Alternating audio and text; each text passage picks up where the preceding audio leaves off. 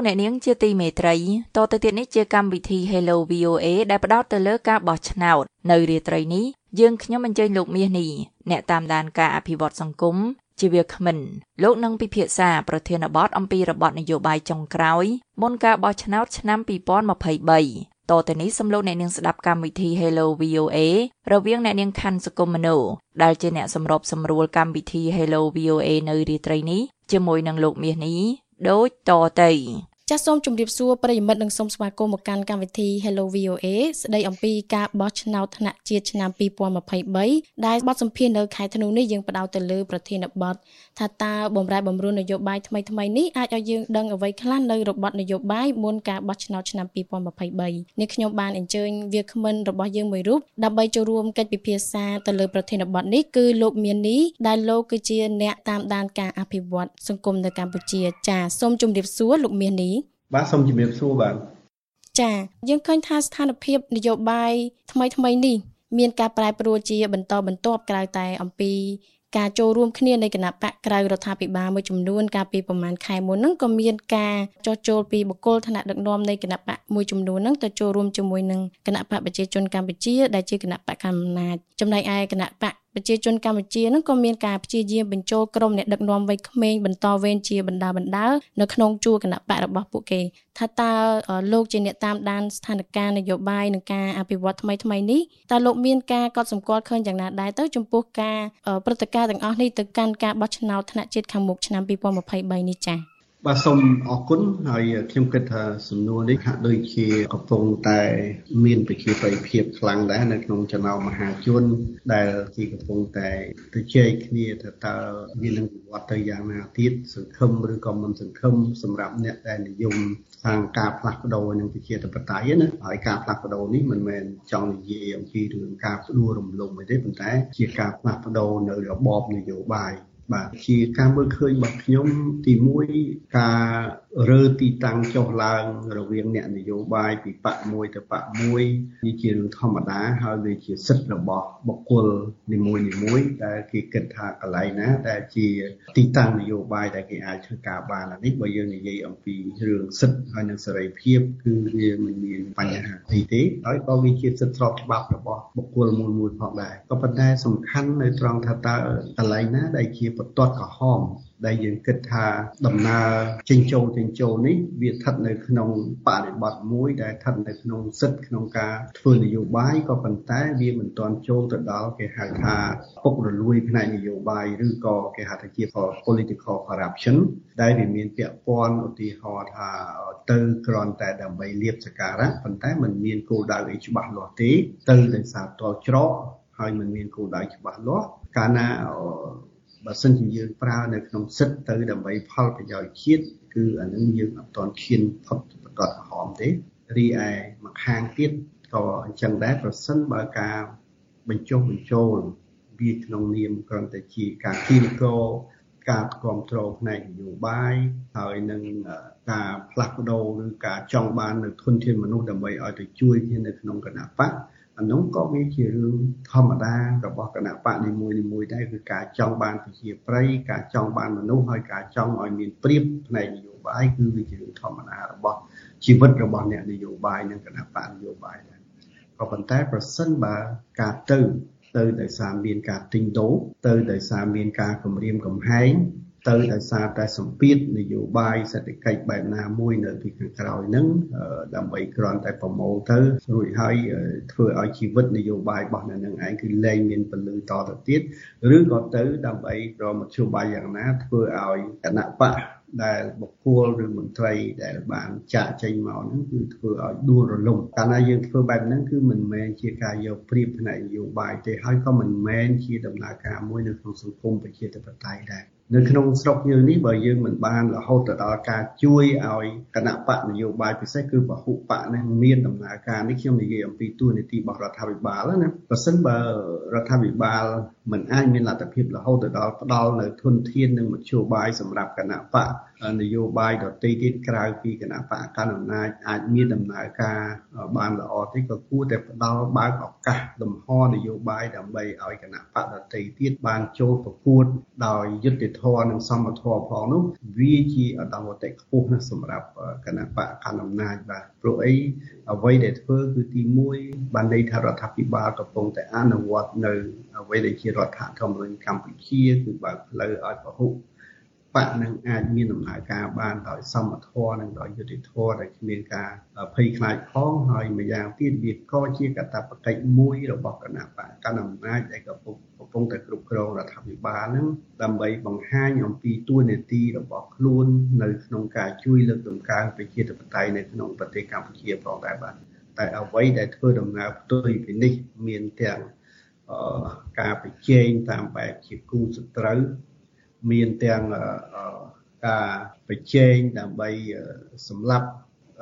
ជីវិតនយោបាយគ្នាទៅវិញទៅមកនោះអានឹងវាមិនមែនជាកត្តានៃការធ្វើនយោបាយមួយដោយសមធម៌ដោយយុត្តិធម៌ផងទេបាទចាសម្រាប់មកដល់ពេលនេះដែរថាតើលោកមើលឃើញថាអ្វីខ្លះទៅដែលជាបញ្ហាប្រឈមដែលអាចនឹងកើតមានសម្រាប់ការបោះឆ្នោតថ្នាក់ជាតិឆ្នាំក្រោយនេះដែរទៅចា៎ យើងឃើញថាកម្លាំងការមានព្រៀបរបស់គណៈបកកណ្ដាលអំណាចនេះគឺយើងឃើញថាវានៅតែមានបន្តមានអធិពលមកលើនយោបាយក្នុងប្រទេសកម្ពុជាពិសេសនៅក្នុងការបោះឆ្នោត2023ណាអឺដោយសារតែមកដល់ពេលនេះយើងមិនទាន់ឃើញមានគូបដិបកណាមួយដែលក្រៅពីគណៈបកភ្លើងទៀនដែលអាចនឹង ចេញដំណើរឈានទៅប្រកួតដោយស្មារភាពឬប្រកួតដោយអធិពលជាមួយនឹងគណៈបកកណ្ដាលអំណាចបាទបានទេបាទហើយទន្ទឹមទៀតក៏យើងមើលឃើញថាការខំព្យាយាមរួមគ្នាក្នុងចំណោមគណៈបកនយោបាយដែលមិនមែនកណ្ដាលអំណាចនឹងហាក់ដូចជាគង់តែជួបប្រទះនៅភាពស្មុគស្មាញច្រើនដែរដោយសារតែកត្តានៃការចិញ្ចូលចិញ្ចូលហ្នឹងហើយនឹងមួយទៀតក៏យើងមើលលទ្ធភាព នៃការអុកបើយើងហៅថាខំប្រឹងប្រែងផ្នែកនយោបាយហ្នឹងក៏កំពុងតែប្រឈមជាមួយនឹងការជួយគ្រប់គ្រងផ្នែកធនធានផងដែរទាំងធនធានមនុស្សនិងធនធានថវិកាផងដែរបាទអញ្ចឹងបញ្ហាប្រឈមធំរបស់អ្នកប្រជាធិបតេយ្យនៅពេលនេះនេះគឺថាតើពួកគាត់នឹងត្រូវរៀបចំ ខ្លួនឬរៀបចំធ្វើការជាមួយគ្នាដោយរបៀបណាដើម្បីប្រមូលនៅកម្លាំងហើយនឹងប្រជាប្រិយភាពហើយនឹងធនធានមនុស្សព្រមទាំងការបង្កើនសមត្ថភាព នៅក្នុងការប្រកួតប្រជែងផងដែរព្រោះអ្វីដែលខ្ញុំចង់លើកសកត់ធ្ងន់គឺការប្រកួតប្រជែងវាខុសពីការប្រឆាំងបើការប្រកួតប្រជែងគឺជាការប្រឹងបង្ហាញនៅសមត្ថភាពបង្ហាញនៅសិលធម៌នយោបាយហើយបង្ហាញនៅជំនាញផ្នែកនយោបាយដើម្បីឲ្យមានគូម្ខាងទៀតនឹងចេះប៉ុណ្ណា បាទបើយើងមកឃើញមកឥឡូវនេះវាភាគច្រើន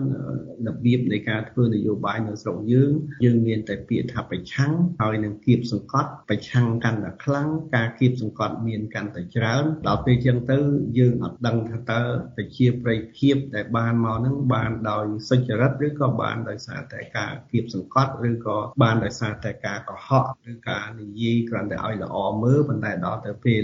ខ្លួនឯងជាប់ឆ្នោតមិនអាចធ្វើបានជាមួយនឹងពលរដ្ឋ Direct from Washington, the voice of America, VOA អញ្ចឹងបើតាមបញ្ហាទាំងអស់នឹងដែលលោកបានលើកឡើងនឹងថាតើអ្វីទៅដែលគួរតែជាចំណុចអតិភិបដែលត្រូវតែដោះស្រាយមុនគេនោះចា៎មែនទេទៅបើយើងមើលពីរឿងអតិភិបយើងពិបាកសម្រាប់ខ្ញុំខ្លួនឯងផ្ទាល់ពិបាកលើកឡើងថាអ្វីជាអតិភិបហើយតើអតិភិបសម្រាប់ខាងណាណាប៉ុន្តែខ្ញុំឃើញមើលឃើញ ពីរធំធំមួយគឺខាងគណៈបកកណ្ដាលអំណាចហើយមួយទៀតគឺខាងអ្នកប្រជាធិបតេយ្យនៅខាងគណៈបកកណ្ដាលអំណាចនយោបាយមួយដែលធ្វើឲ្យគណៈបកកណ្ដាលអំណាចខ្លាំងបានគឺនយោបាយប្រមូលបានន័យថាយើងខ្ញុំធ្លាប់និយាយលេងថាមានទេលេងមានតែយកថែមទៀតណានេះជារបៀបមួយដែលគណៈបក កាន់ណាគាត់បានប្រើមកដល់ពេលនេះគឺថាគាត់នៅព្យាយាមរក្សានៅធនធានទាំងអស់របស់គាត់ដែលមានហើយនឹងប្រមូលថែមពីខាងក្រៅទៅទៀតក៏ប៉ុន្តែនៅត្រង់ហ្នឹងក៏វាមានល្អមានមានមិនល្អដែរសម្រាប់គណៈបកកម្មាធិការនៅត្រង់ថានយោបាយនេះជានយោបាយមួយដែលធ្វើឲ្យគណៈបកកណ្ដាលហ្នឹងគឺមានលទ្ធភាពនៅក្នុងការគ្រប់គ្រងប្រទេសនឹងច្រើនច្រើនអាណត្តិមកហើយបាទយើងឃើញថាទោះបីជាមន្ត្រីនឹងរកឃើញនៅកំហុសអីប្រមាណផ្សេងផ្សេងអីក៏យើងឃើញថាមន្ត្រីហ្នឹងមិនបាត់មុខយូរពីឆាកនយោបាយទេបាទយូរឆាប់ក៏នឹងវិលមកវិញហើយចង្ការវិលមកវិញអាចមានតំណែងធំលើមុនអីក៏មានដែរអានេះគឺជារឿង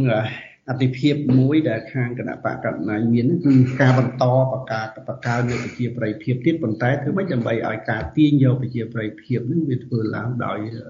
សុចរិតហើយនឹងរឿងសំខាន់នោះគឺការបន្តបង្ក្រាបឬការគម្រាមផ្សេងផ្សេងដល់មហាជនហើយពិសេសចំណុចខ្សោយមួយដែលខ្ញុំមើលឃើញគឺ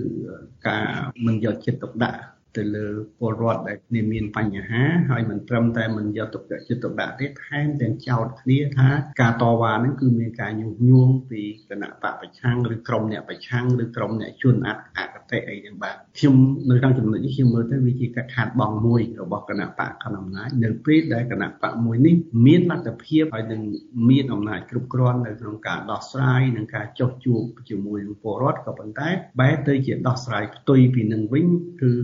ដោយមើលឃើញថាការប្រឆាំងការតវ៉ារបស់ពលរដ្ឋនេះគឺជាការញុះញង់របស់គណៈបកប្រឆាំងប៉ុន្តែមិនដែលបានចុះទៅមើលឬក៏មិនសូវបានចុះទៅមើលទៅដោះស្រាយបញ្ហានឹងដោយផ្ទាល់តែទៅនេះមួយដែលក្នុងនាមខ្ញុំជាអ្នកអភិវឌ្ឍសង្គមគឺខ្ញុំមើលឃើញថាជាចំណុចខ្សោយមួយរបស់គណៈបកកណ្ដាលអំណាចដែលធ្វើឲ្យការគ្រប់គ្រងអំណាចរបស់គាត់កាន់តែយូរទៅវាធ្វើឲ្យពលរដ្ឋតែក្លិននៃការមិនសប្បាយចិត្តពីពលរដ្ឋហ្នឹងវាមានការកើនឡើងកាន់តែច្រើនហើយកាលណាកើនឡើងកាន់តែច្រើនគឺគណៈបកមានការព្រួយបារម្ភកាន់តែខ្លាំងដូច្នេះការឆ្លើយតបគឺមានតែ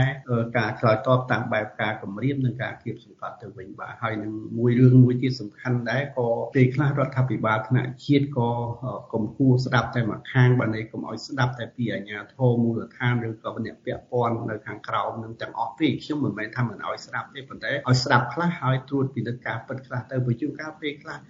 បញ្ហាផលប្រយោជន៍របស់មន្ត្រីថ្នាក់ក្រោមរបស់មន្ត្រីថ្នាក់ក្រោមជាតិហ្នឹងគឺបានធ្វើឲ្យគាត់នឹងចេះនាំគ្នារៀនកុហកឬក៏ប្រមូលដើម្បីកុហកទៅរដ្ឋាភិបាលថ្នាក់ជាតិរួចហើយរដ្ឋាភិបាលថ្នាក់ជាតិមិនបានពិនិត្យមើលរឿងនឹងគ្រប់ជ្រុងជ្រោយក៏ធ្វើការឆ្លើយតបវិញដោយអវិជ្ជមានទៅលើពលរដ្ឋដែលគ្នាស្លូតត្រង់គ្រាន់តែតវ៉ាសុំមករស់អីតែប៉ុណ្្នឹងនេះជាអតិភិបបញ្ហាជាកតាជាថាជាដំណោះស្រាយអតិភិបមួយរបស់គណៈបកកណ្ដាលអំណាច រីឯគណៈបកអ្នកប្រជាធិបតេយ្យវិញខ្ញុំមើលឃើញថាទោះបីជាពេលនេះគណៈបកភ្លើងទៀនហាក់ដូចជាបានចេញដំណើរមកដោយមានការគ្រប់គ្រងដល់មនុស្សប្រមាណជា1លានកន្លះអ្នកក៏ដោយក៏ប៉ុន្តែគណៈបកភ្លើងទៀនក៏ត្រូវតែដឹងថាកម្លាំងប៉ុណ្ណេះមិនទាន់គ្រប់គ្រាន់អាចយកទៅប្រកួតយើងថាថាมันអាចទៅស៊ីគណៈបកខណ្ឌអំណាចបានទេបាទនេះជាយើងនិយាយឲ្យពាក្យសាមញ្ញគឺថាมันទាន់អាចទៅប្រកួតបានទេវាត្រូវការ ប្រមូលធនធានមនុស្សខ្ញុំមិននិយាយពីរឿងធនធានថវិកាទេអានឹងវាត្រូវការចាំបាច់ហើយក៏ប៉ុន្តែត្រូវរមធ្យោបាយយ៉ាងណាដើម្បីកំណែននៅធនធានមនុស្សនឹងឲ្យមកដើម្បីចូលរួមហើយនឹងពង្រឹងសមត្ថភាពគណៈបក ទាំងការទាញយកប្រជាប្រិយភាពបន្ថែមពីពលរដ្ឋទាំងធនធានមនុស្សសម្រាប់គ្រប់គ្រងគណៈបកហើយនឹងទាំងការមានផែនការយុទ្ធសាស្ត្រមួយដើម្បីថាតើខ្លួននឹងទៅគ្រប់គ្រងប្រទេសយ៉ាងម៉េចប្រសិនបើខ្លួនឈ្នះបាទកុំឲ្យគិតត្រឹមតែធ្វើម៉េចឲ្យឈ្នះសិនហើយចាំគិតតាមក្រោយអានឹងវាជានយោបាយ ចាស់សម្រិលមួយដែលថយនៅពេលដែលយើងគិតថាត្រឹមតែមួយឈ្នះសិនហ្នឹងគឺมันគ្រប់គ្រាន់ទេបាទដូច្នេះនៅក្នុងស្ថានភាពបែបនេះគឺគណៈបកភ្លើងទៀនខ្លួនឯងហ្នឹងក៏ត្រូវតែពង្រឹងសមត្ថភាពរបស់ខ្លួនផងដែរដើម្បីឈានទៅរកការប្រកួតប្រជែងមួយដែលប្រកបដោយអធិពលដែលមានអធិពលជាមួយនឹងគណៈបកកណ្ដាលអំណាចបាទយើងរឿងមួយទៀតនឹងចំណោមអ្នកប្រជាធិបតេយ្យដែរក៏យើងឃើញថា ក្រៅពីការមើលគ្នាជាសត្រូវរវាងគណៈបកកណ្ដាលអំណាចហើយនិងគណៈបក យើងហៅថាជាគណៈបកប្រឆាំង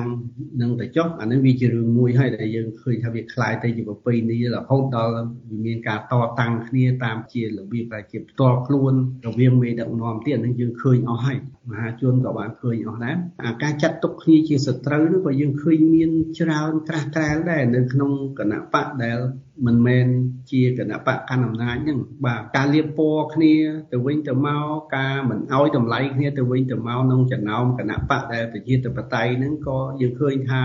មានក៏មានហ្នឹងគឺថាមានក្រាស់ក្រែលមែនទែនផងដែរបាទគឺមែនទែនទៅការលៀបពណ៌គ្នារវាងអ្នកប្រជាធិបតេយ្យហ្នឹងគឺមានចង់ច្រើនជាងគណៈបកកណ្ដាលអំណាចផងបើមែនទែនទៅនោះបាទគឺការសង្ស័យគ្នាថាអ្នកនឹងឯងជាអ្នកមកពីនេះអ្នកនឹងឯងជាអាយ៉ងនោះអីហ្នឹងគឺវាคล้ายទៅជាវប្បធម៌មួយរបស់អ្នកប្រជាធិបតេយ្យទៅហើយបាទហើយក៏មានការបែងចែកគ្នាដែរថា គណៈបកនេះធំណាអញ្ចឹងมันអាចទទួលអ្នកនេះបានតូចតាចទេត្រូវតែរកអ្នកដែលខ្លាំងដូចគ្នាអីយើងទៅរកខ្លាំងណាបើយើងមានអ្នកមានតែម្នាក់ឯងមកអញ្ចឹងរឿងដែលសំខាន់មួយគឺអានេះវាជាយើងហៅជាជាគោលគំនិតមួយដែលมันអាចឲ្យគណៈបក ឧទាហរណ៍ដូចជាគណៈបកភ្លើងទៀននឹងអាចដើរទៅបានលឿនលះហើយនឹងអាចឈានទៅទាញយកប្រជាប្រិយភាពដោយដែលខ្លួនធ្លាប់មានកាលពីគណៈបកសង្គ្រោះជាតិនោះក៏វាមិនទាន់អាចទៅរួចដែរហើយយើងក៏ទទួលត្រូវតែទទួលស្គាល់ថាដរាបណាគណៈបកភ្លើងទៀនឬអ្នកប្រជាធិបតេយ្យមិនមើលគ្នានៅក្នុងការគោរពមិនមើលគ្នាក្នុងការកំណែងកម្លាំងដើម្បីជួយគ្នាធ្វើការជាមួយគ្នាបានន័យថាមិនមែនប្រឆាំងដើម្បីទៅដណ្ដើមប្រជាធិបតេយ្យទេគឺរួមគ្នាដើម្បីប្រជាធិបតេយ្យយអានោះវាជាដំណើរមួយដ៏ត្រឹមត្រូវរបស់គណៈបកមិនមែនគណៈបករដ្ឋាភិបាលដែលជាអ្នកស្រឡាញ់ប្រជាធិបតេយ្យផងដែរបាទនេះជារឿងសំខាន់បើមិនចឹងទេវាអាចនឹងមានន័យថាការតស៊ូនេះវាគ្រាន់តែបើសិនជាឆ្នាំនេះឆ្នាំ2022មានអ្នកគ្រប់គ្រងមួយលាន6សែនដល់នៅក្នុងឆ្នាំ2023កើនឡើងត្រឹមតែ1សែនឬ2សែននេះ ហើយឆ្នាំ2028កើនឡើងត្រឹមតែអឺ ដល់ទៅ2លានឬ2លានកន្លះនោះអានឹងចង់មិនចង់ក៏វាត្រូវចូលទៅក្នុងបរិបទមួយដែលគេច្រើននិយាយថាការធ្វើនយោបាយបែបនេះវាគ្រាន់បាទគ្រាន់តែជាឧបករណ៍មួយដែលយកមកកំដរគណៈបកកាន់អំណាចតែប៉ុណ្្នឹងទេបាទអានេះវាបើយើងមើលពីពីអវិជ្ជមានយើងថាយើងមើលស្រាលទៅចាស់ក៏ប៉ុន្តែបើយើងមើលក្នុងផ្លូវដំណើរធម្មជាតិធម្មតាតែកាលណាយើងមិនអាចយកឈ្នះបាន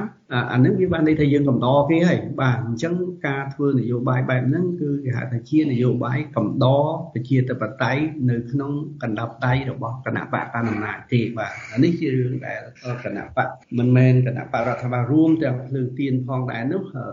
ជារឿងដែលត្រូវគិតទាំងអស់គ្នាអានឹងបានអាចយកទៅប៉ណ្ណឹងប្រកួតយើងហៅថាយកទៅប្រកួតកុំយកទៅប្រឆាំងប៉ុន្តែយកទៅប្រកួតហើយកាលណាប្រកួតបើយើងយកមធ្យោបាយប្រកួតទៅប្រើបានន័យថាមួយខាងទៀតក៏ប្រឹង ខាងមួយខាងទៀតនេះដៃគូទាំងសងខាងគឺប្រឹងរត់ប៉ុណ្ណឹងទាំងអស់គ្នាដើម្បីប្រយោជន៍ជាតិទាំងអស់គ្នានេះជារឿងអតិភិបដែលខ្ញុំមើលឃើញបាទសូមអរគុណ ចាសូមអរគុណលោកអញ្ចឹងទម្រាំតែដល់ការបោះឆ្នោតខែកក្កដាឆ្នាំ2023ហ្នឹងមើលទៅអាចមានអ្វីប្រសើរឡើងទេសម្រាប់គណៈបកជំទាស់គណៈបកភ្លឹងទៀនហ្នឹងតាមរយៈស្ថានភាពបច្ចុប្បន្ននេះផងហើយកន្លងមកយើងឃើញក៏មានការប្រមានពីលោកនាយករដ្ឋមន្ត្រីហ៊ុនសែនខ្លះខ្លះដែរអញ្ចឹងលោកមើលទៅមុខទៀតគណៈបកភ្លឹងទៀននៅអាចតែបន្តការគម្រិមកំហែងបែបហ្នឹងរហូតដល់ការបោះឆ្នោតនោះដែរទេលោក ខ្ញុំគិតថាដរាបណាគណៈបកកណ្ដាលអំណាចគាត់នៅតែមានមើលឃើញនៅចំណុចខ្សោយរបស់គាត់គឺដែលអាចនឹងថាធ្វើឲ្យយើងហៅថាជាការរំខានទៅដល់ស្ថិរភាពនយោបាយរបស់គណៈបកកណ្ដាលអំណាចការគម្រាមទាំងឡាយនេះវានឹងមិនមិនបាត់ទៅវិញទេបាទខ្ញុំគិតថានឹងអាចមានបន្តរហូតទៅដល់ថ្ងៃបោះឆ្នោតតែម្ដងបាទអឺអានេះជារឿងមួយដែលយើងដែលខ្ញុំមើលឃើញណាហើយរឿងមួយទៀតនៅខាងគណៈបកដែលមិនមែនជា គណៈបកកាន់អំណាចហ្នឹងគាត់ត្រូវទទួលស្គាល់ថាពេលវេលានៅខ្លីណាដូច្នេះប្រសិនបើគាត់មិនផ្លាស់ប្ដូរ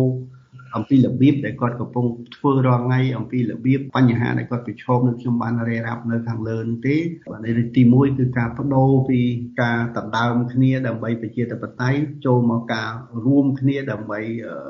ប្រជាធិបតេយ្យយើងដូចខ្ញុំបាននិយាយជូនថាទោះបីជាភ្លើងទៀនមានប៉ុណ្ណឹងឲ្យក៏ដោយក៏ប៉ុន្តែ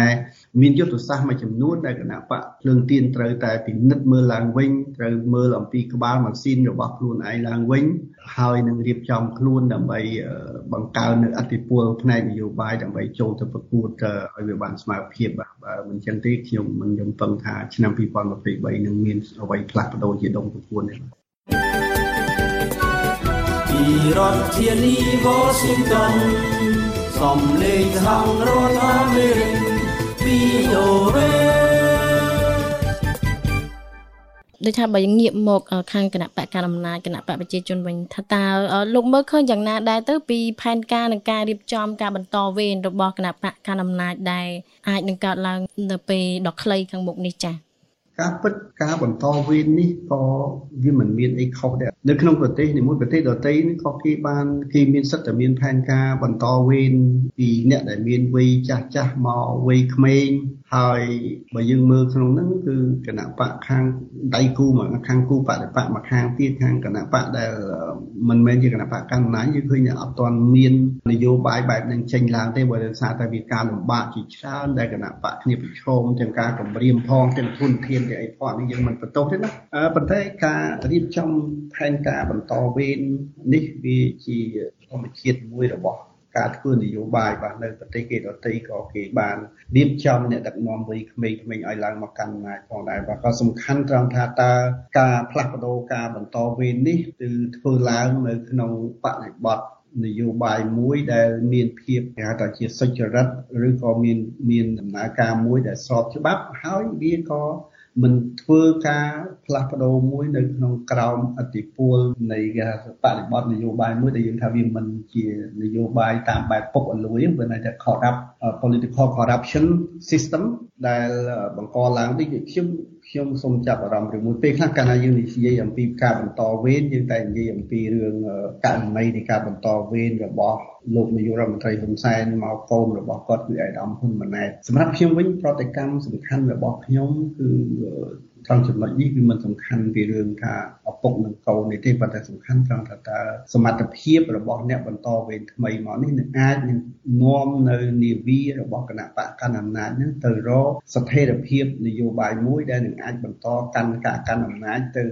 ក្នុងពេលអាណត្តិខាងមុខខាងមុខទៀតបានដោយកម្រិតបណ្ណានោះនេះជារឿងសំខាន់បាទហើយក្នុងនោះគឺសមត្ថភាពនៃការរបស់ ក្រុមអ្នកបន្តវេនហ្នឹងថាតើក្រុមបន្តវេននឹងត្រូវដោះស្រាយនឹងបញ្ហាសង្គមសំខាន់សំខាន់ ដែលកំពុងប្រឈមនឹងបានដោយរបៀបណាហើយអាចទាញយកប្រជាប្រិយភាពពីពលរដ្ឋដោយមិនបាច់ប្រើនៅការគម្រាមកំហែងប៉ុន្តែយើងប្រើនៅវិធីមួយដែលធ្វើឲ្យពលរដ្ឋមានការស្រឡាញ់ដោយសុទ្ធចិត្តនឹងបានកាន់តែច្រើនភ្លុកទឹកភ្លុកដីបានដោយរបៀបណាបាទនេះជាការមើលឃើញរបស់ខ្ញុំជាប្រតិកម្មរបស់ខ្ញុំលើតទៅរឿងនេះណាក៏ប៉ុន្តែរឿងមួយទៀតដែលខ្ញុំមើលឃើញដែរគឺរដ្ឋមួយដែលកាលណាយើងនិយាយអំពី ប្រព័ន្ធនយោបាយដែលខ្ញុំបើបើនិយាយជាភាសាខ្មែរវាដូចជាធ្ងន់ពេកដូចជាយើងហៅថាជាពុករលួយនយោបាយបើយើងកាលណានិយាយពីពុករលួយគឺវាហាក់ដូចជាវាជារសើបពេកណាប៉ុន្តែបើគេបកស្រាយពីខាងទ្រឹស្ដីវិទ្យាសាស្ត្រនយោបាយវិញគេប្រើពាក្យអង់គ្លេសជា political corruption ហ្នឹងគឺគេចង់សំដៅទៅលើប្រព័ន្ធនយោបាយមួយដែលវារុំព័ទ្ធទៅដោយបពពួកនិយមគ្រួសារនិយមឬក៏ប្រព័ន្ធនយោបាយមួយដែលវាលែងឆ្លើយតបជាមួយនឹងអ្វីដែលជាច្បាប់អ្វីដែលបានចែងក្នុងរដ្ឋធម្មនុញ្ញប៉ុន្តែយើងធ្វើទៅតាមអ្វីដែលយើងនឹកឃើញអ្វីដែលយើងគិតថាវាជាមហិច្ឆតាដើម្បីធ្វើឲ្យខ្លួនឯងអាចកាន់អំណាចបានអញ្ចឹងស្អីក៏អាចធ្វើទៅបានស្អីក៏អាចកើតមានឡើងនៅក្នុងប្រទេសអានឹងនៅក្នុងខ្ញុំនិយាយអំពីក្នុងគោលការណ៍វិទ្យាសាស្ត្រនយោបាយទេបាទហើយកាលណាប្រព័ន្ធហ្នឹងវានៅក្នុងបែបហ្នឹងកាន់តែក្រាស់ទៅក្រាស់ទៅវានឹងអាចធ្វើឲ្យប្រព័ន្ធគ្រប់គ្រងរដ្ឋហ្នឹងលែងដំណើរការហើយបាទវាលែងដំណើរការឬក៏វាដំណើរការមួយផ្លេតអញ្ចឹងកាលណាមានអ្នកធំស្រែកអញ្ចឹងដើរបន្តិចទៅក៏រលត់ទៅវិញហើយវិលទៅរកស្ថានភាពដើមវិញនេះទេដែលជាកត្តាសំខាន់នៅក្នុងការបន្តវេននឹងហើយយើងដឹងហើយថាតើតើវាមានផលវិបាកអីខ្លះនៅពេលដែលប្រព័ន្ធគ្រប់គ្រងរដ្ឋមួយវារុំព័ទ្ធកាន់តែក្រាស់ទៅក្រាស់ទៅដោយសារតែបព្វពួកនិយមហើយនិងគ្រួសារនិយមនោះគឺវានឹងឈានទៅដល់កន្លែងមួយដែលអ្នកអាចឲ្យអ្នកធ្វើការហ្នឹងគឺ លែងស្ដាប់គ្នាហើយធ្វើការទៅតាមតែខ្នងរៀងខ្លួនបាទបើខ្ញុំមានខ្នងខ្សែមួយខ្សែកអញ្ចឹងគឺតែអ្វីៗដែលសំខាន់ផុតគឺកាលណាខ្ញុំស្ដាប់ពីខ្សែខាងក្រោយខ្នងខ្ញុំមកខ្ញុំលើកទឹកចិត្តរឿងនឹងមានការលើកទឹកចិត្តតែបើមកពី ខ្នងផ្សេងមួយទៀតដែលមិនមែនជាខ្នងរបស់ខ្ញុំខ្ញុំតែតែគិតថាធ្វើឲ្យតែរូបពីដៃអីចឹងទៅបាទហើយនៅក្នុងស្ថានភាពដែលវារំពាត់ទៅដោយរបស់អង់គ្លេសគេប្រើពាក្យ nepotism ហើយនិង patronage system វិញអឺគឺនៅពេលនោះគឺប្រព័ន្ធរដ្ឋ លេខដើរតួជាប្រព័ន្ធមួយដែលបំពេញតួនាទីជាផ្លូវការហើយប៉ុន្តែប្រព័ន្ធមាត់មនុស្សបានន័យថាបញ្ជាពីខ្នងនីមួយៗនេះវាคล้ายទៅជាការថាជាដំណើរការពេញនិយមមួយនៅក្នុងការធ្វើនយោបាយវិញបាទអញ្ចឹងបើនៅក្នុងស្ថានភាពបែបហ្នឹងគឺរដ្ឋនឹងវាអាចដំណើរការរដ្ឋក៏ទៅមុខមិនរួចហើយការផ្លាស់ប្ដូរមនុស្ស នៅក្នុងប្រព័ន្ធគ្រប់គ្រងរដ្ឋនៅពេលខាងមុខនៅពេលដែលមួយដែលចាំបាច់ឧទាហរណ៍ថាបើសិនជាមានមុខមន្ត្រីម្នាក់គាត់ធ្វើខុសតើដកគាត់បានទេបើសិនជាគាត់នឹងជាមានសាច់ញាតិឬក៏មានអ្នកនៅពីក្រោយខ្នងដែលជាមន្ត្រីធំមួយទៀតខ្ពស់ជាងនឹងទៀតនោះតើដកបានឬមិនបានឬប្រមានបានតែមិនបានបាទនេះជារឿងមួយដែលអឺខ្ញុំមើលឃើញថាប្រសិនបើការផ្ទេរ នឹងវានឹងចូលទៅជ្រៅនៅក្នុងរឿងអស់នឹងពេកវានឹងអាចមានន័យថាប្រព័ន្ធគ្រប់គ្រងនយោបាយរដ្ឋហើយនឹងគណៈបកនៅក្នុងពេលអនាគតវាអាចនៅនៅត្រឹមតែចំណុចមួយដែលថា ជាប្រព័ន្ធនយោបាយឯងជួយអញហើយនឹងឯងអញជួយឯងបាទហើយសង្គមជាតិនឹងគឺនៅតែស្ថិតនៅក្នុងស្ថានភាពមួយហៅថាយើងស្ថិតនៅក្រោមការគ្រប់គ្រងប្រព័ន្ធនយោបាយមួយគឺ political corruption ហ្នឹងក្នុងស្ថានភាពបែបនេះវានឹងបង្កឲ្យទៅជាគេហៅថាជាការទុកនៅកេរដំណែលថ្មបាក់មួយសម្រាប់អ្នកដឹកនាំចំនួនក្រោយដែលគាត់គ្រាន់តែអនុគាត់ថាដើរតាម ជាអ្វីដែលជាការរៀបចំឲ្យអ្នកជំនាន់មុនប៉ុន្តែបើមិនបានមើលរឿងនេះបាននេះទេវាអាចនឹងคล้ายទៅជាថ្មបាក់មួយដែលទម្លាក់ទៅលើអ្នកដឹកនាំជំនាន់ក្រោយដែលអាចធ្វើឲ្យប្រព័ន្ធរដ្ឋបដើមិនរួចហើយប្រព័ន្ធសំបីតែក្នុងគណៈបកហ្នឹងក៏អាចនឹងឈានទៅរកភាពបន្ទុះសារាយជាមួយគ្នាផងដែរបើសិនមកមិនបានមើលឲ្យបានមកចប់បាទសូមអរគុណបាទ សូមអរគុណលោកដោយសារពេលវេលាយើងអស់ទៅហើយដែរនាងខ្ញុំក៏សូមបញ្ចប់កម្មវិធី Hello VOA និងអរគុណលោកដែលបានចំណាយពេលវេលាថ្ងៃនេះចា៎បាទសូមអរគុណបាទសូមជម្រាបលាបាទ